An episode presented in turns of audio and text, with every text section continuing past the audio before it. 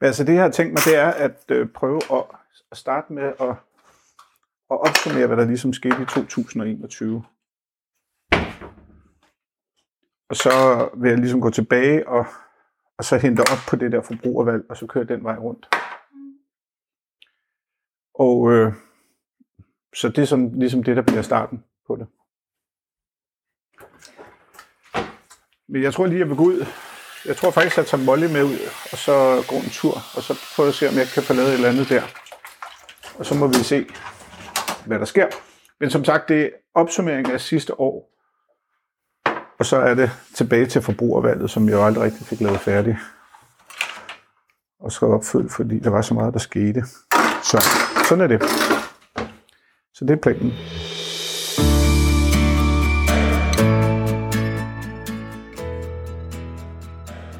Velkommen til Visbys Verden.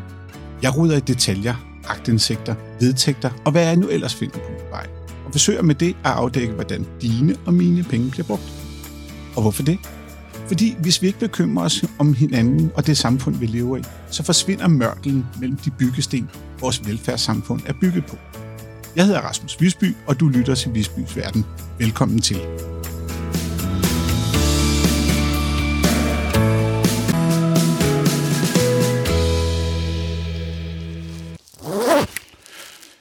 Sådan. Nå. Så blev det 2022, før jeg kom i gang med et nyt afsnit. Og nu starter jeg afsnittet for ligesom at starte et eller andet sted. Det er altid det der med at skulle starte på nogle ting, der er lidt svært, synes jeg. Men jeg har taget min hund Molly med ud i skoven her. Molly er en 6 år gammel Newfoundlander, en stor brun pige. Og øh, ja, så får I ligesom, så vil jeg lige bruge lidt tid på at opsummere, hvad der er sket. Jeg startede jo, det er faktisk fjerde sæson, vi skal i gang med. Det her burde have været sæsonafslutning, men sidste år udgav jeg det sidste afsnit i november, og det var lige op til kommunalvalget, og der var jeg simpelthen bare udbrændt. Og så, da jeg ligesom skulle til at udgive det, mellem jul og nytår, som jeg vist også havde fortalt, at jeg ville, så fik jeg corona. Og så har der bare været alle mulige andre ting og sager. Og problemet er lidt, at nogle gange sidder jeg med nogle tage, sager, hvor jeg ligesom er et par skridt foran. Og virkelig burde jeg jo nok komme op på omdrejningshøjde, så var det måske nemmere også for jer, der følger med, at jeg ligesom følger med i sagerne. Så, nå, men lad os lige opsummere 2021. Det blev faktisk sådan en ret skældsættende år for øh, Visbys verden, forstået på den måde, at 2020 var sådan set der, hvor firmabilerne og øh, blev afsløret, og det var der politianmeldelsen var og ting og så. Men det fortsatte jo så ind i 21, hvor de store sager jo faktisk var leasingaftalerne, som jo viste sig at være endnu vildere, og de havde skiftet biler for millioner kroner. Det kan I høre i de tidlige afsnit.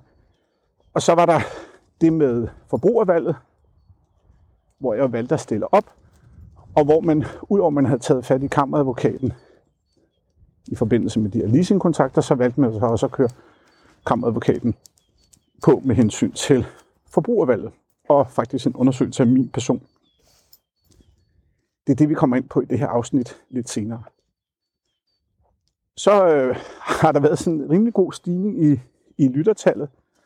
Rigtig mange gode anmeldelser, øh, og det er jeg super glad for, og tak for det. Og der var en kæmpe fin artikel om mig i Weekendavisen. Der har været noget berlingske. Jeg blev nævnt i det, vi taler om. Som også synes, det er nogle crazy forhold, der er heroppe i Hillerød. Og øh, ja, og det har betydet, at, at jeg ligesom godt kan se, at jeg er fat i noget, og jeg kan se, at folk godt lider og gider lytte. Og det er sådan lidt, ja, jeg ved ikke, om man kan sige, at man får noget præstationsangst, det gør man måske, men det gør, at jeg ligesom synes, at jeg forpligter det hele. Problemet er bare, at min revisor spørger, hvad er det for noget, du laver der? Jeg har lavet et selskab. Eller jeg har omdøbt mit selskab til Visby Media, og så har jeg jo meldt mig ind i Journalistforbundet, og nu prøver jeg ligesom at gøre det her til en levevej. Øh, og lave, lave det til en ny startup. Problemet er lige, lige nu, er der ikke rigtig nogen indtægter for at sige det som overhovedet. Jeg har været ude og lave nogle oplæg nogle forskellige steder, og det, det gør jeg gerne, og så har jeg så lige flag for.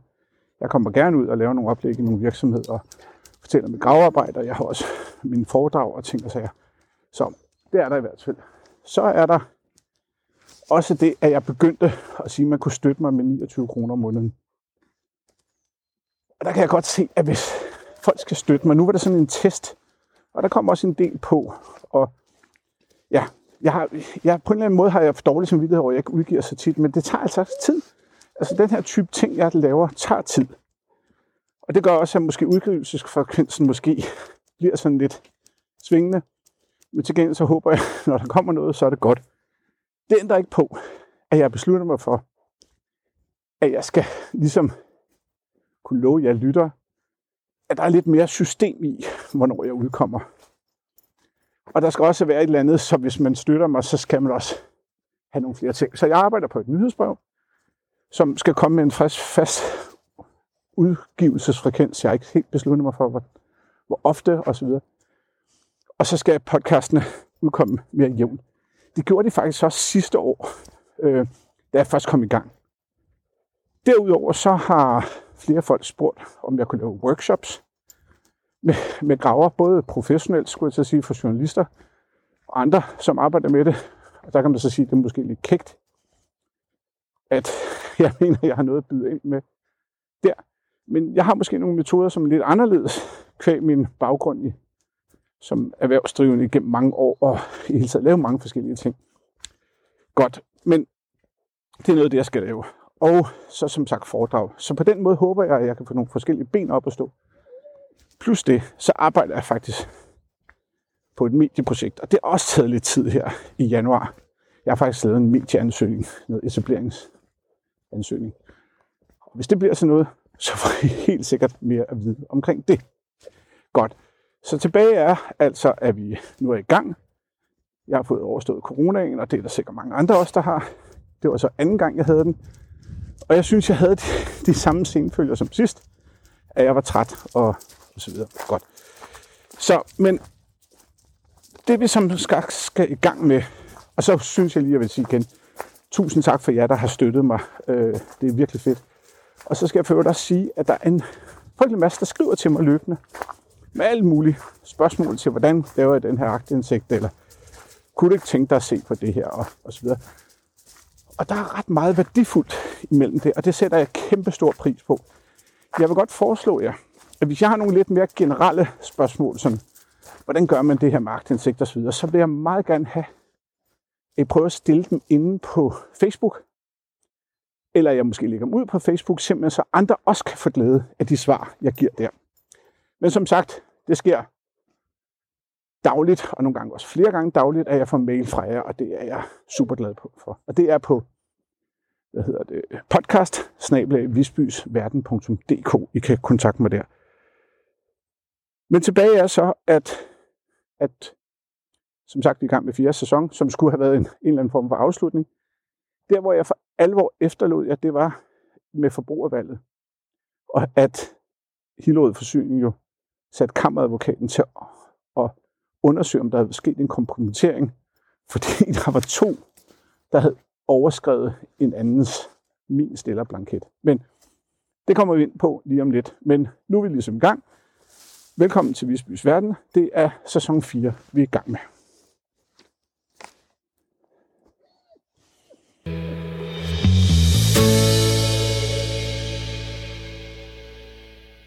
Så kom jeg ind i varmen igen, og vi skal tale forbrugervalg. Der er tre ben i den historie, I skal høre. Der er selve historien om stillerproblematikken, hvis man kan kalde det. Altså dem, der vil være stiller for de forskellige kandidater. Andet ben er kammeradvokatens notat. Og sidste ben er selve offentliggørelsen af resultatet af forbrugervalget, og hvem der hele taget var valgudvalget. Men lad os rejse tilbage til august 2021. Og jeg vil anbefale, at hvis du har glemt, hvad det, historien tog, hvordan historien tog sin begyndelse, eller måske ikke har hørt det, eller trænger til en genopfriskning, så synes jeg, at du skal hoppe tilbage og høre næst sidste afsnit fra sidste år, tavshedspligt og stresstest. For at blive kandidat til forbrugervalget betød det, at der var 10 kunder, forbrugere, der skulle pege på dig som kandidat. Ligesom man kender det fra kommunalvalg og alle mulige andre steder. Jeg havde gjort mit forarbejde grundigt, så jeg havde rent faktisk mere end rigeligt at stille allerede på første dag. Men Jonas Kofod som jeg har arbejdet sammen med rigtig meget i det her gravarbejde, og som er virkelig dygtig i sit stof omkring spildevand, ville også gerne stille op til forbrugervalget. Derfor valgte jeg at forsøge at hjælpe ham ved at dele det link til hans stillerprofil, eller rettere det link, jeg troede var til hans stillerprofil. For det her, det bliver spændende. For jeg modtog en mail fra Assembly Voting på vegne af valgudvalget i Hillerød Forsyning, og her lød teksten. Kære Rasmus Visby, Jonas Kofod inviterer dig hermed til at være stiller. Se profil, og så er der et link. Som stiller har du ikke andre forpligtelser. Bemærk, at du kun kan være stiller for én kandidat. For at bekræfte, at du vil være stiller for Jonas Kofod, skal du klikke på dette link, og så er der et link der, hvor der står bekræft.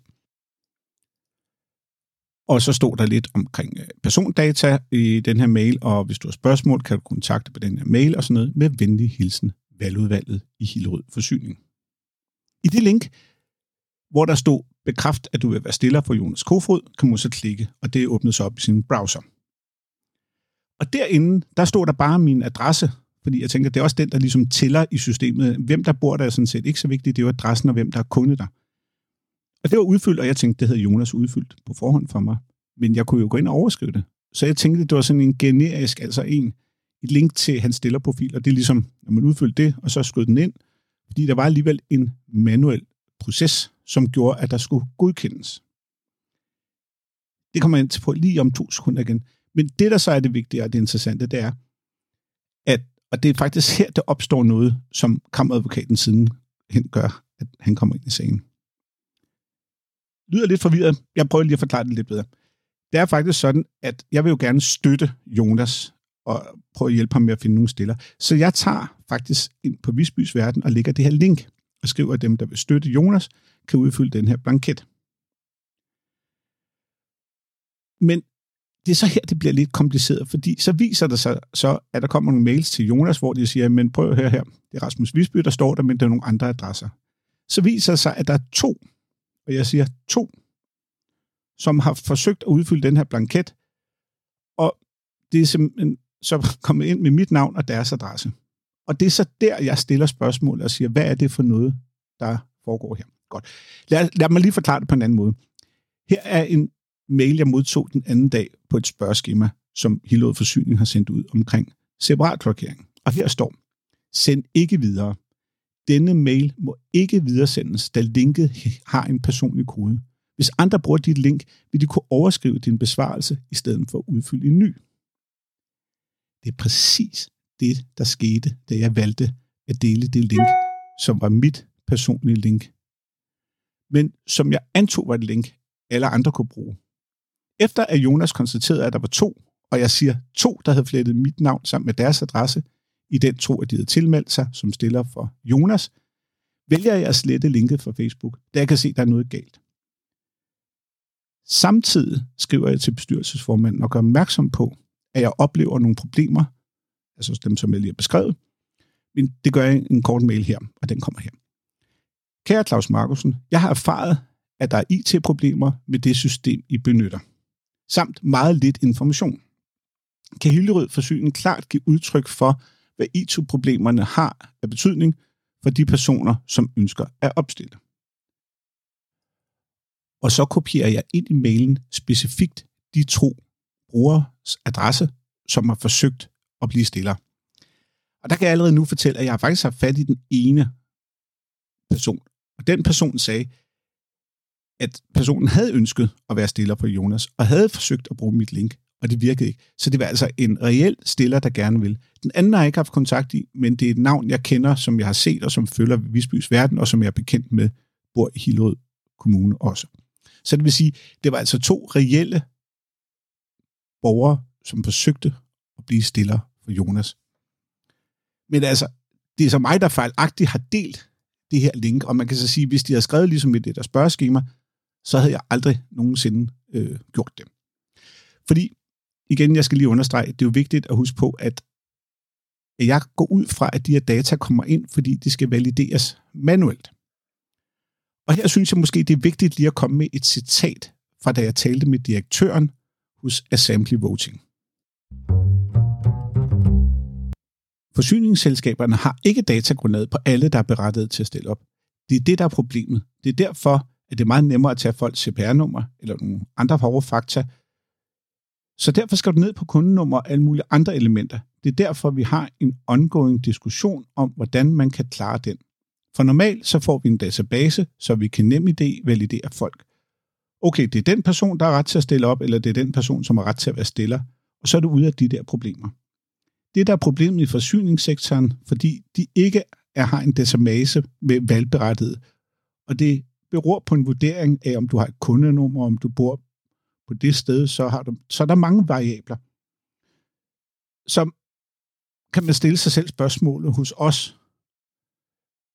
og det bliver så, om vi gider at gøre det her fremover. Gider vi overhovedet rode med det valg, hvor der ikke er fast grundlag, og hvor valideringsprocessen er så dårlig?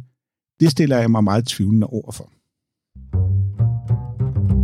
Så det er ret klart, at den her opsamling af data er sådan set bare nogle formularer. Jeg ved godt, det er lidt teknisk, men det er sådan set bare der, hvor de henter det ind, og så prøver de så at få valideret de her data manuelt hos Hillerød Forsyning. Så der er altså ikke noget, der sker automatisk her. Og som jeg ser sagen, har jeg delt et link, der var personligt til mig, i den tro, at det var et link, man kunne bruge til at blive stiller for Jonas. Der var på forsynings hjemmeside intet link, hvor man kunne stille til, blive stiller til Jonas. Det var derfor, jeg tænkte, det var smart at hjælpe folk på vej ved at give dem et link. Min erfaring er altid, at man skal gøre det så nemt som muligt for dem, der vil hjælpe en. I den mail fra Assembly Voting står der intet om, at linket er personligt, som der gør for eksempel i spørgeskemasundersøgelsen, som jeg nævnte før. En anden ting er, at det link, jeg modtog for at blive stiller for Jonas, bliver ved med at være aktivt, efter jeg brugte det. Og der talte jeg med en IT-ekspert, som fortæller, at det normalt vil være sådan, at når man har brugt et link, så vil det ikke længere være aktivt. Lidt på samme måde, som hvis du prøver at resette et password, eller på anden måde får et link, som er unikt til dig, vil der ofte være et link, som virker en vis periode, eller efter du har trykket på det en gang. Det er da ikke tilfældet her med linket. Det er fortsat, det er fortsat aktivt. Så er der helt klart en fejl fra min side, ved at jeg antager, at man kan dele det link. Der var to, og jeg skriver to, som brugte det link, jeg delte, før jeg slettede det, fordi det ikke virkede. Og hvor jeg skrev til bestyrelsesformanden og stillede spørgsmålstegn ved softwaren. Herefter hørte jeg intet. Altså som i intet. Der var ikke nogen supporter, der ringede. Der var ikke nogen, der lige spurgte, hvad det var for nogle fejl, jeg oplevede.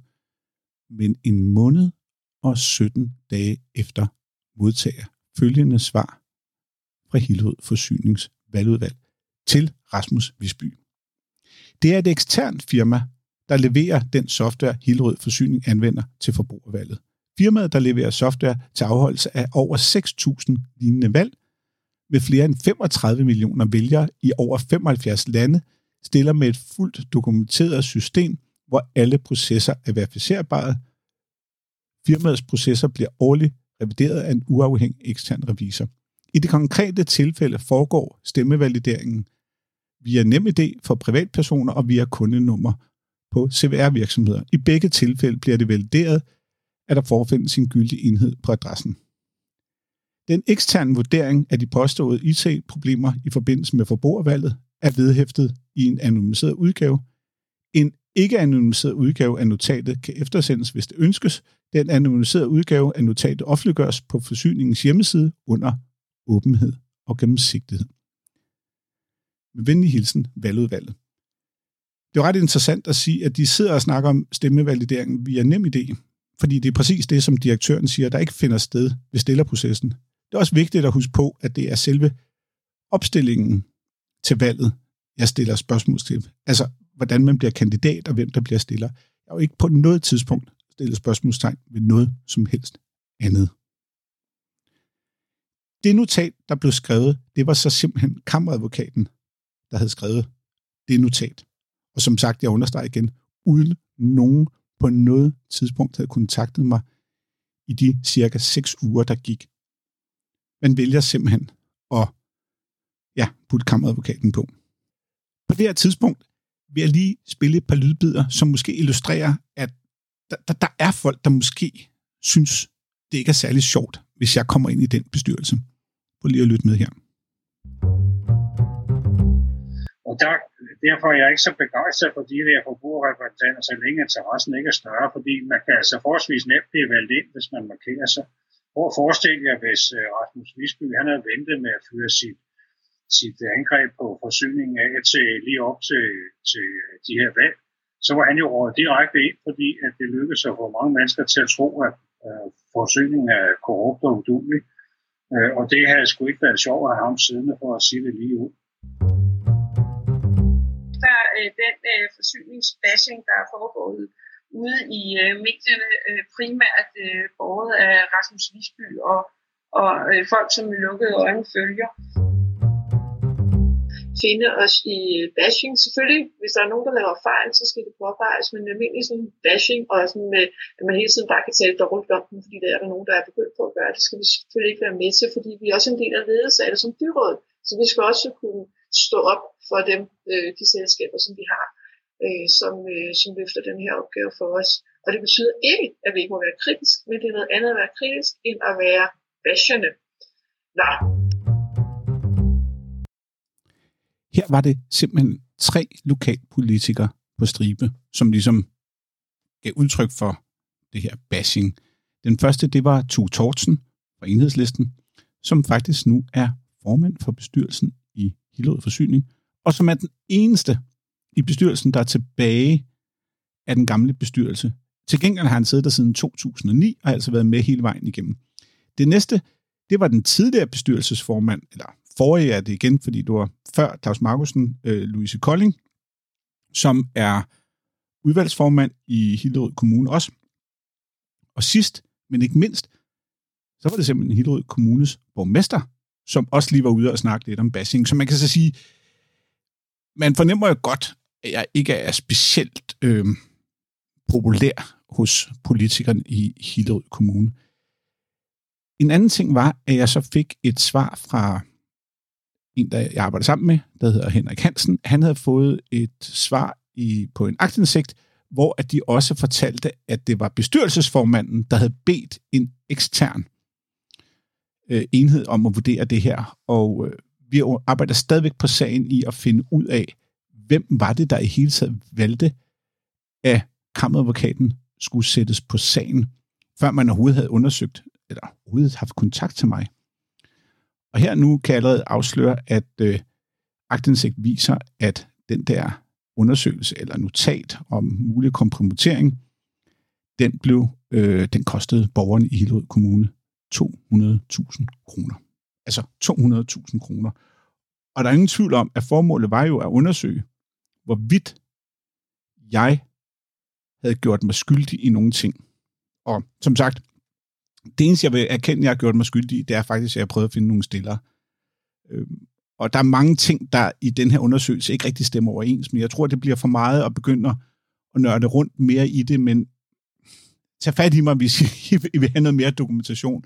Men altså, ingen tvivl om, jeg har delt et link, der er to borgere, som reelt findes. Jeg har talt med den ene, som er stikhammerne tosse over, at personens data er blevet delt med for eksempel Jonas og mig, og de findes, og de ønskede faktisk at være stillere for Jonas. Så de findes, de mennesker, men det blev altså til en stresstest. Og lad os lige snuppe et citat mere fra Hillerød Forsyning, fordi, som de skriver i en aktindsigt, konklusionen i notatet lød, at vi vurderer ikke, at det ovenfor beskrevne hændelsesforløb udgør en kompromittering af systemet, leveret af Assembly Voting, det er i dokumentationen, der intet, der tyder på, at systemet egenhændigt skulle være ændret på de her indtastede oplysninger, og ej heller er grundlaget for at antage, at indtastede oplysninger skulle være manipuleret af uvedkommende tredje mand. Hvilket i så fald kunne udgøre en kompromittering af systemet. Derimod finder vi det overvejende sandsynligt, at der er tale om en bevidst handling, foretaget af en kandidat og eller stiller, muligvis med det formål at stressteste Hillerød forsyningsvalgsystem og så slutter det her svar af. Havde konklusionen mundet ud i, at systemet var kompromitteret, kunne en eventuel erstatningssag og fratagelse af valgbarheden være kommet på tale, da det ville være en alvorlig sag. Det er det begrunder tiltaget. Altså, man kan jo tage mange teser og stille op. Man kan også sige, at ja, jeg ved ikke, månen er lavet grøn ost og så videre, ikke? men man vælger altså en tese, som der fuldstændig kommer hen af det blå. Og her står der også, at det er bestyrelsesformanden, som har initieret, at der skulle laves en ekstern undersøgelse. Men til dato har det ikke været muligt at få et svar på, hvem det var, der valgte at ringe op til kammeradvokaten, og hvem det var, der valgte at, at bruge 200.000 kroner på den undersøgelse. Så jeg synes, det er vigtigt lige at dvæle ved det her. Men lad os nu ligge ved det og komme lidt videre omkring det her forbrugervalg.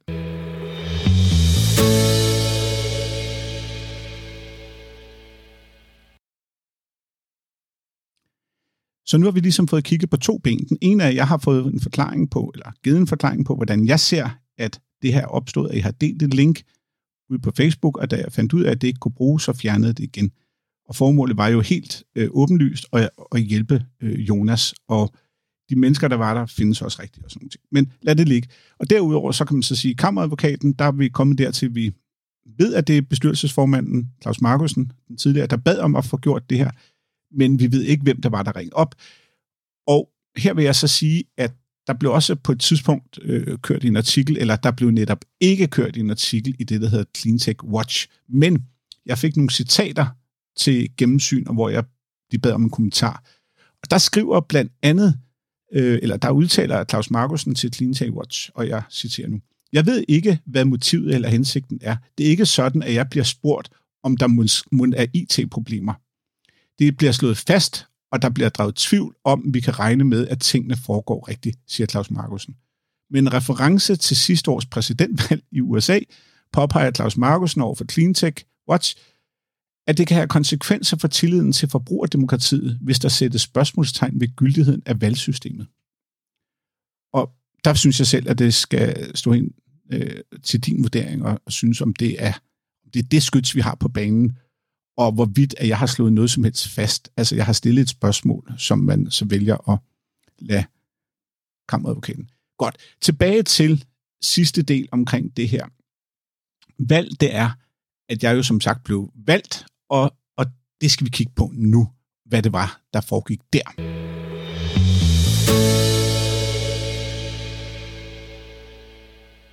Har vi, har vi nogensinde talt sammen før? lige nu bliver det her, det er ikke et interview, men lige nu udvikler det sig til noget, som jeg mener har offentlighedens interesse. Sød og oplys mig som kandidat, som borger, som kunde, som journalist. Du kan sætte hvad for en hat på, du vil. Er du sød og oplys mig, hvem valgudvalget består af? Det her var tre bidder fra en samtale med kommunikationschefen fra Hillerød Forsyning. En person, jeg aldrig nogensinde har talt med før og hvor jeg ringede som kandidat til valget, efter det var afsluttet, for blandt andet at få oplyst, hvem er valgudvalget. Der står ikke nogen steder, hvem valgudvalget er. Ingen steder findes det. Og den her samtale, som tog cirka 20 minutter, lykkedes det mig ikke at få oplyst. Han, han ønskede simpelthen ikke, det var den vildeste spændsamtale, jeg nogensinde har oplevet. Øh, han ønskede simpelthen ikke at oplyse det. Og jeg havde så planlagt faktisk at udgive den her samtale i et podcast, der kom efterfølgende efter forbrugervalget. Det var også derfor, jeg sprang til det der med advokaterne. Det var fordi, jeg skulle altså lige tænke det her rigtig godt igennem. Og, og, og jeg tænker ikke, det vil befordrer mit øh, bestyrelsesarbejde at, at, at udstille en kommunikationschef på den her måde.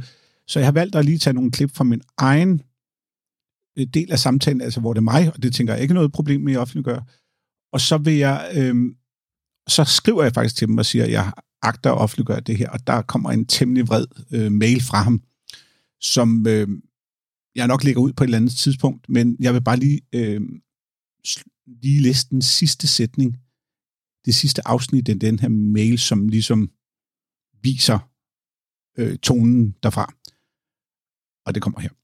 Afslutningsvis skal det bemærkes, at det er vores vurdering, at det både er kritisabelt uetisk og grænseoverskridende, at du ringer og udgiver dig for at være en privatperson, når du optager og som journalist publicerer samtaler til brug for dit medie, der er tilmeldt pressenævnet. Dette vil være en uacceptabel adfærd på alle danske medier. Med titel af journalist og medie følger såvel rettigheder som pligter.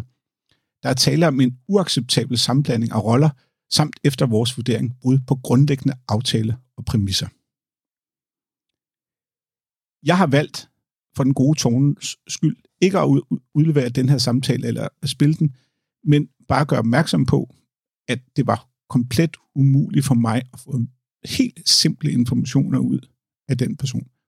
Det viser sig så sidenhen, at han rent faktisk selv er medlem af valgudvalget, og det er der to andre medarbejdere også, som faktisk var med i at indgive en politianmeldelse mod mig. Så altså to ud af de her fire valgudvalgsmedlemmer, som også var dem, der ligesom stod for kontakten, som eller skrev omkring det der kammeradvokat, var også dem, der havde indgivet politianmeldelse. Så man kan så sige, det er jo lidt store kræfter, og det er lidt øh, voksenskæld ud, jeg får på det her. Øh, jeg er ikke overhovedet ikke enig i det her, men det siger bare lidt om, hvordan tonen er, og hvordan tingene øh, foregår.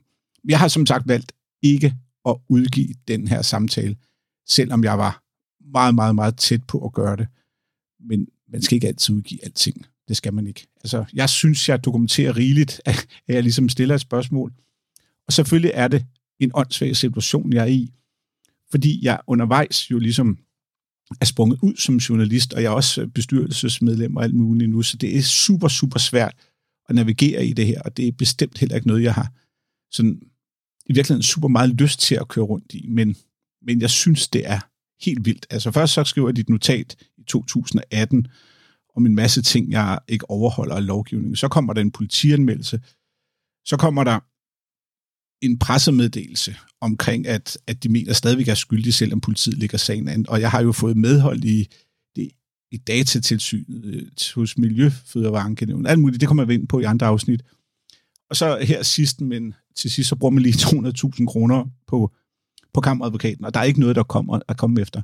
Men alligevel så vælger man at sige, jo, men jeg har stresstestet det, og det giver ingen mening. Jeg tror, det er for svært på lyd at komme længere ind i processen omkring det her. Der skal noget på skrift og ting og sager. Det kan også godt være, at jeg deler nogle af de her øh, ting, men, men det giver absolut ingen mening, at man har kørt så hårdt på. Og der er ingen tvivl om, at der er mennesker, der ønsker mig hen, hvor peberet gror. Godt.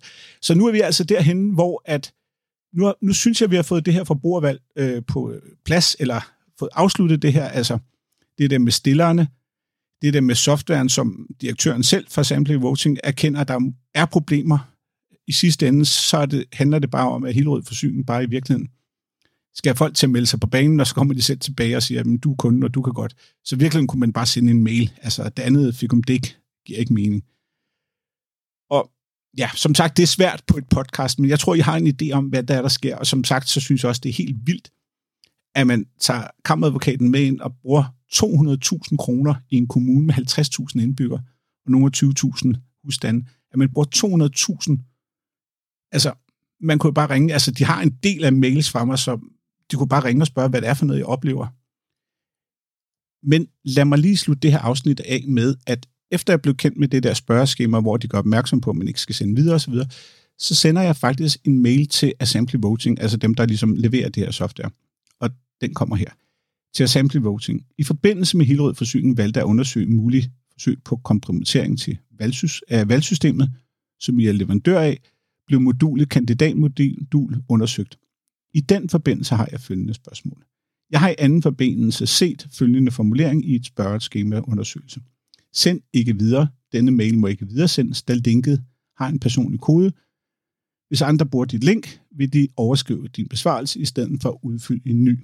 Er det tænkeligt, at det netop er det, som er sket, hvis mail af 3. august, altså den der fra Jonas, bliver delt eller link derfra? Er det korrekt, at det link, der er i mail af 3. august, fortsætter med at være aktivt, efter at den stiller, som mailen var tiltænkt, har bekræftet, at personen ønskede at være stiller?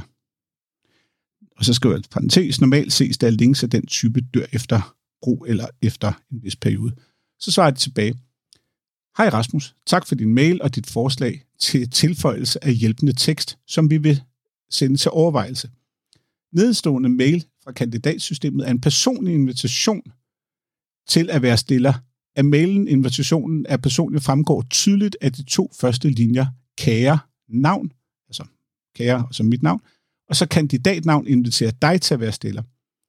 Det er korrekt, at hvis den inviterede stiller videresender sin personlige invitation til en anden person, vil denne person kunne benytte linket bekræft, da bekræft forbliver aktivt, for stilleren kan komme ind og se sin bekræftelse. Og det giver mig så følgende spørgsmål videre. Kære legal team, det var dem, der underskrev sig, tak for hurtigt svar. Hvor fremgår det, at det er en personlig invitation? Hvad skyldes, at linket forbliver aktivt frem for blot at sende en mail med en bekræftelse? Jeg kan øvrigt ikke se, at jeg fremsender et forslag til jer, men jeg er kommet med et eksempel på en mail, hvor man har valgt at skrive en udførlig instruks. Betragter Assembly Voting APS det er som en stresstest, at man sender et link videre i den tro, at andre kan bruge det til at blive stiller for kandidaten. Og så skriver jeg nogle andre ting og sager her til sidst omkring et eksempel på, hvordan det kan gøres, og så linker jeg faktisk til Forenet Kredit, som er noget helt andet. Nå. Øh, så skriver de til sidst her, hej, du videresender nedstående billede, hvor vi skriver, at det fremgår af teksten, at det er en personlig invitation. Vi kan ikke udtale os om, hvad en intention bag videresendelsen af invitationen, som du skriver. Som, tak, som sagt, tak for din input. Og så var den ikke længere. Så nu er det kommet ned i deres forslagskasse, at man måske kunne øh, skrive, at det her link ikke må deles, og det i virkeligheden er et, hvis de overhovedet fortsætter, fordi de havde også deres tvivl om, de overhovedet vil levere de her løsninger til forsyningssektoren fremadrettet. Så tilbage er altså at sige, at den her fornøjelse kostede borgerne 200.000, og hvorfor man vælger at gå så drastisk til værks, tja, det ved jeg ikke. Men det var alt for den her gang. Øh, jeg kommer tilbage med mere.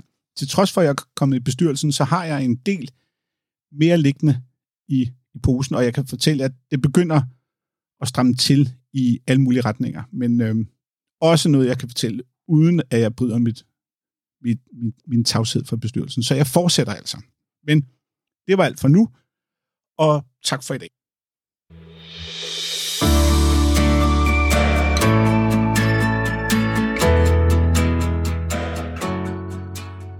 For mig er der kun tilbage at sige tak, fordi du lyttede med. Husk, du kan skrive til mig på podcast eller fange mig på Twitter på rvisby. Du må meget gerne anmelde, dele, omtale mit podcast, hvis du kunne lide, hvad du hørte. Jeg hedder Rasmus Visby, og du lyttede til Visbys Verden. Tak fordi du lyttede med.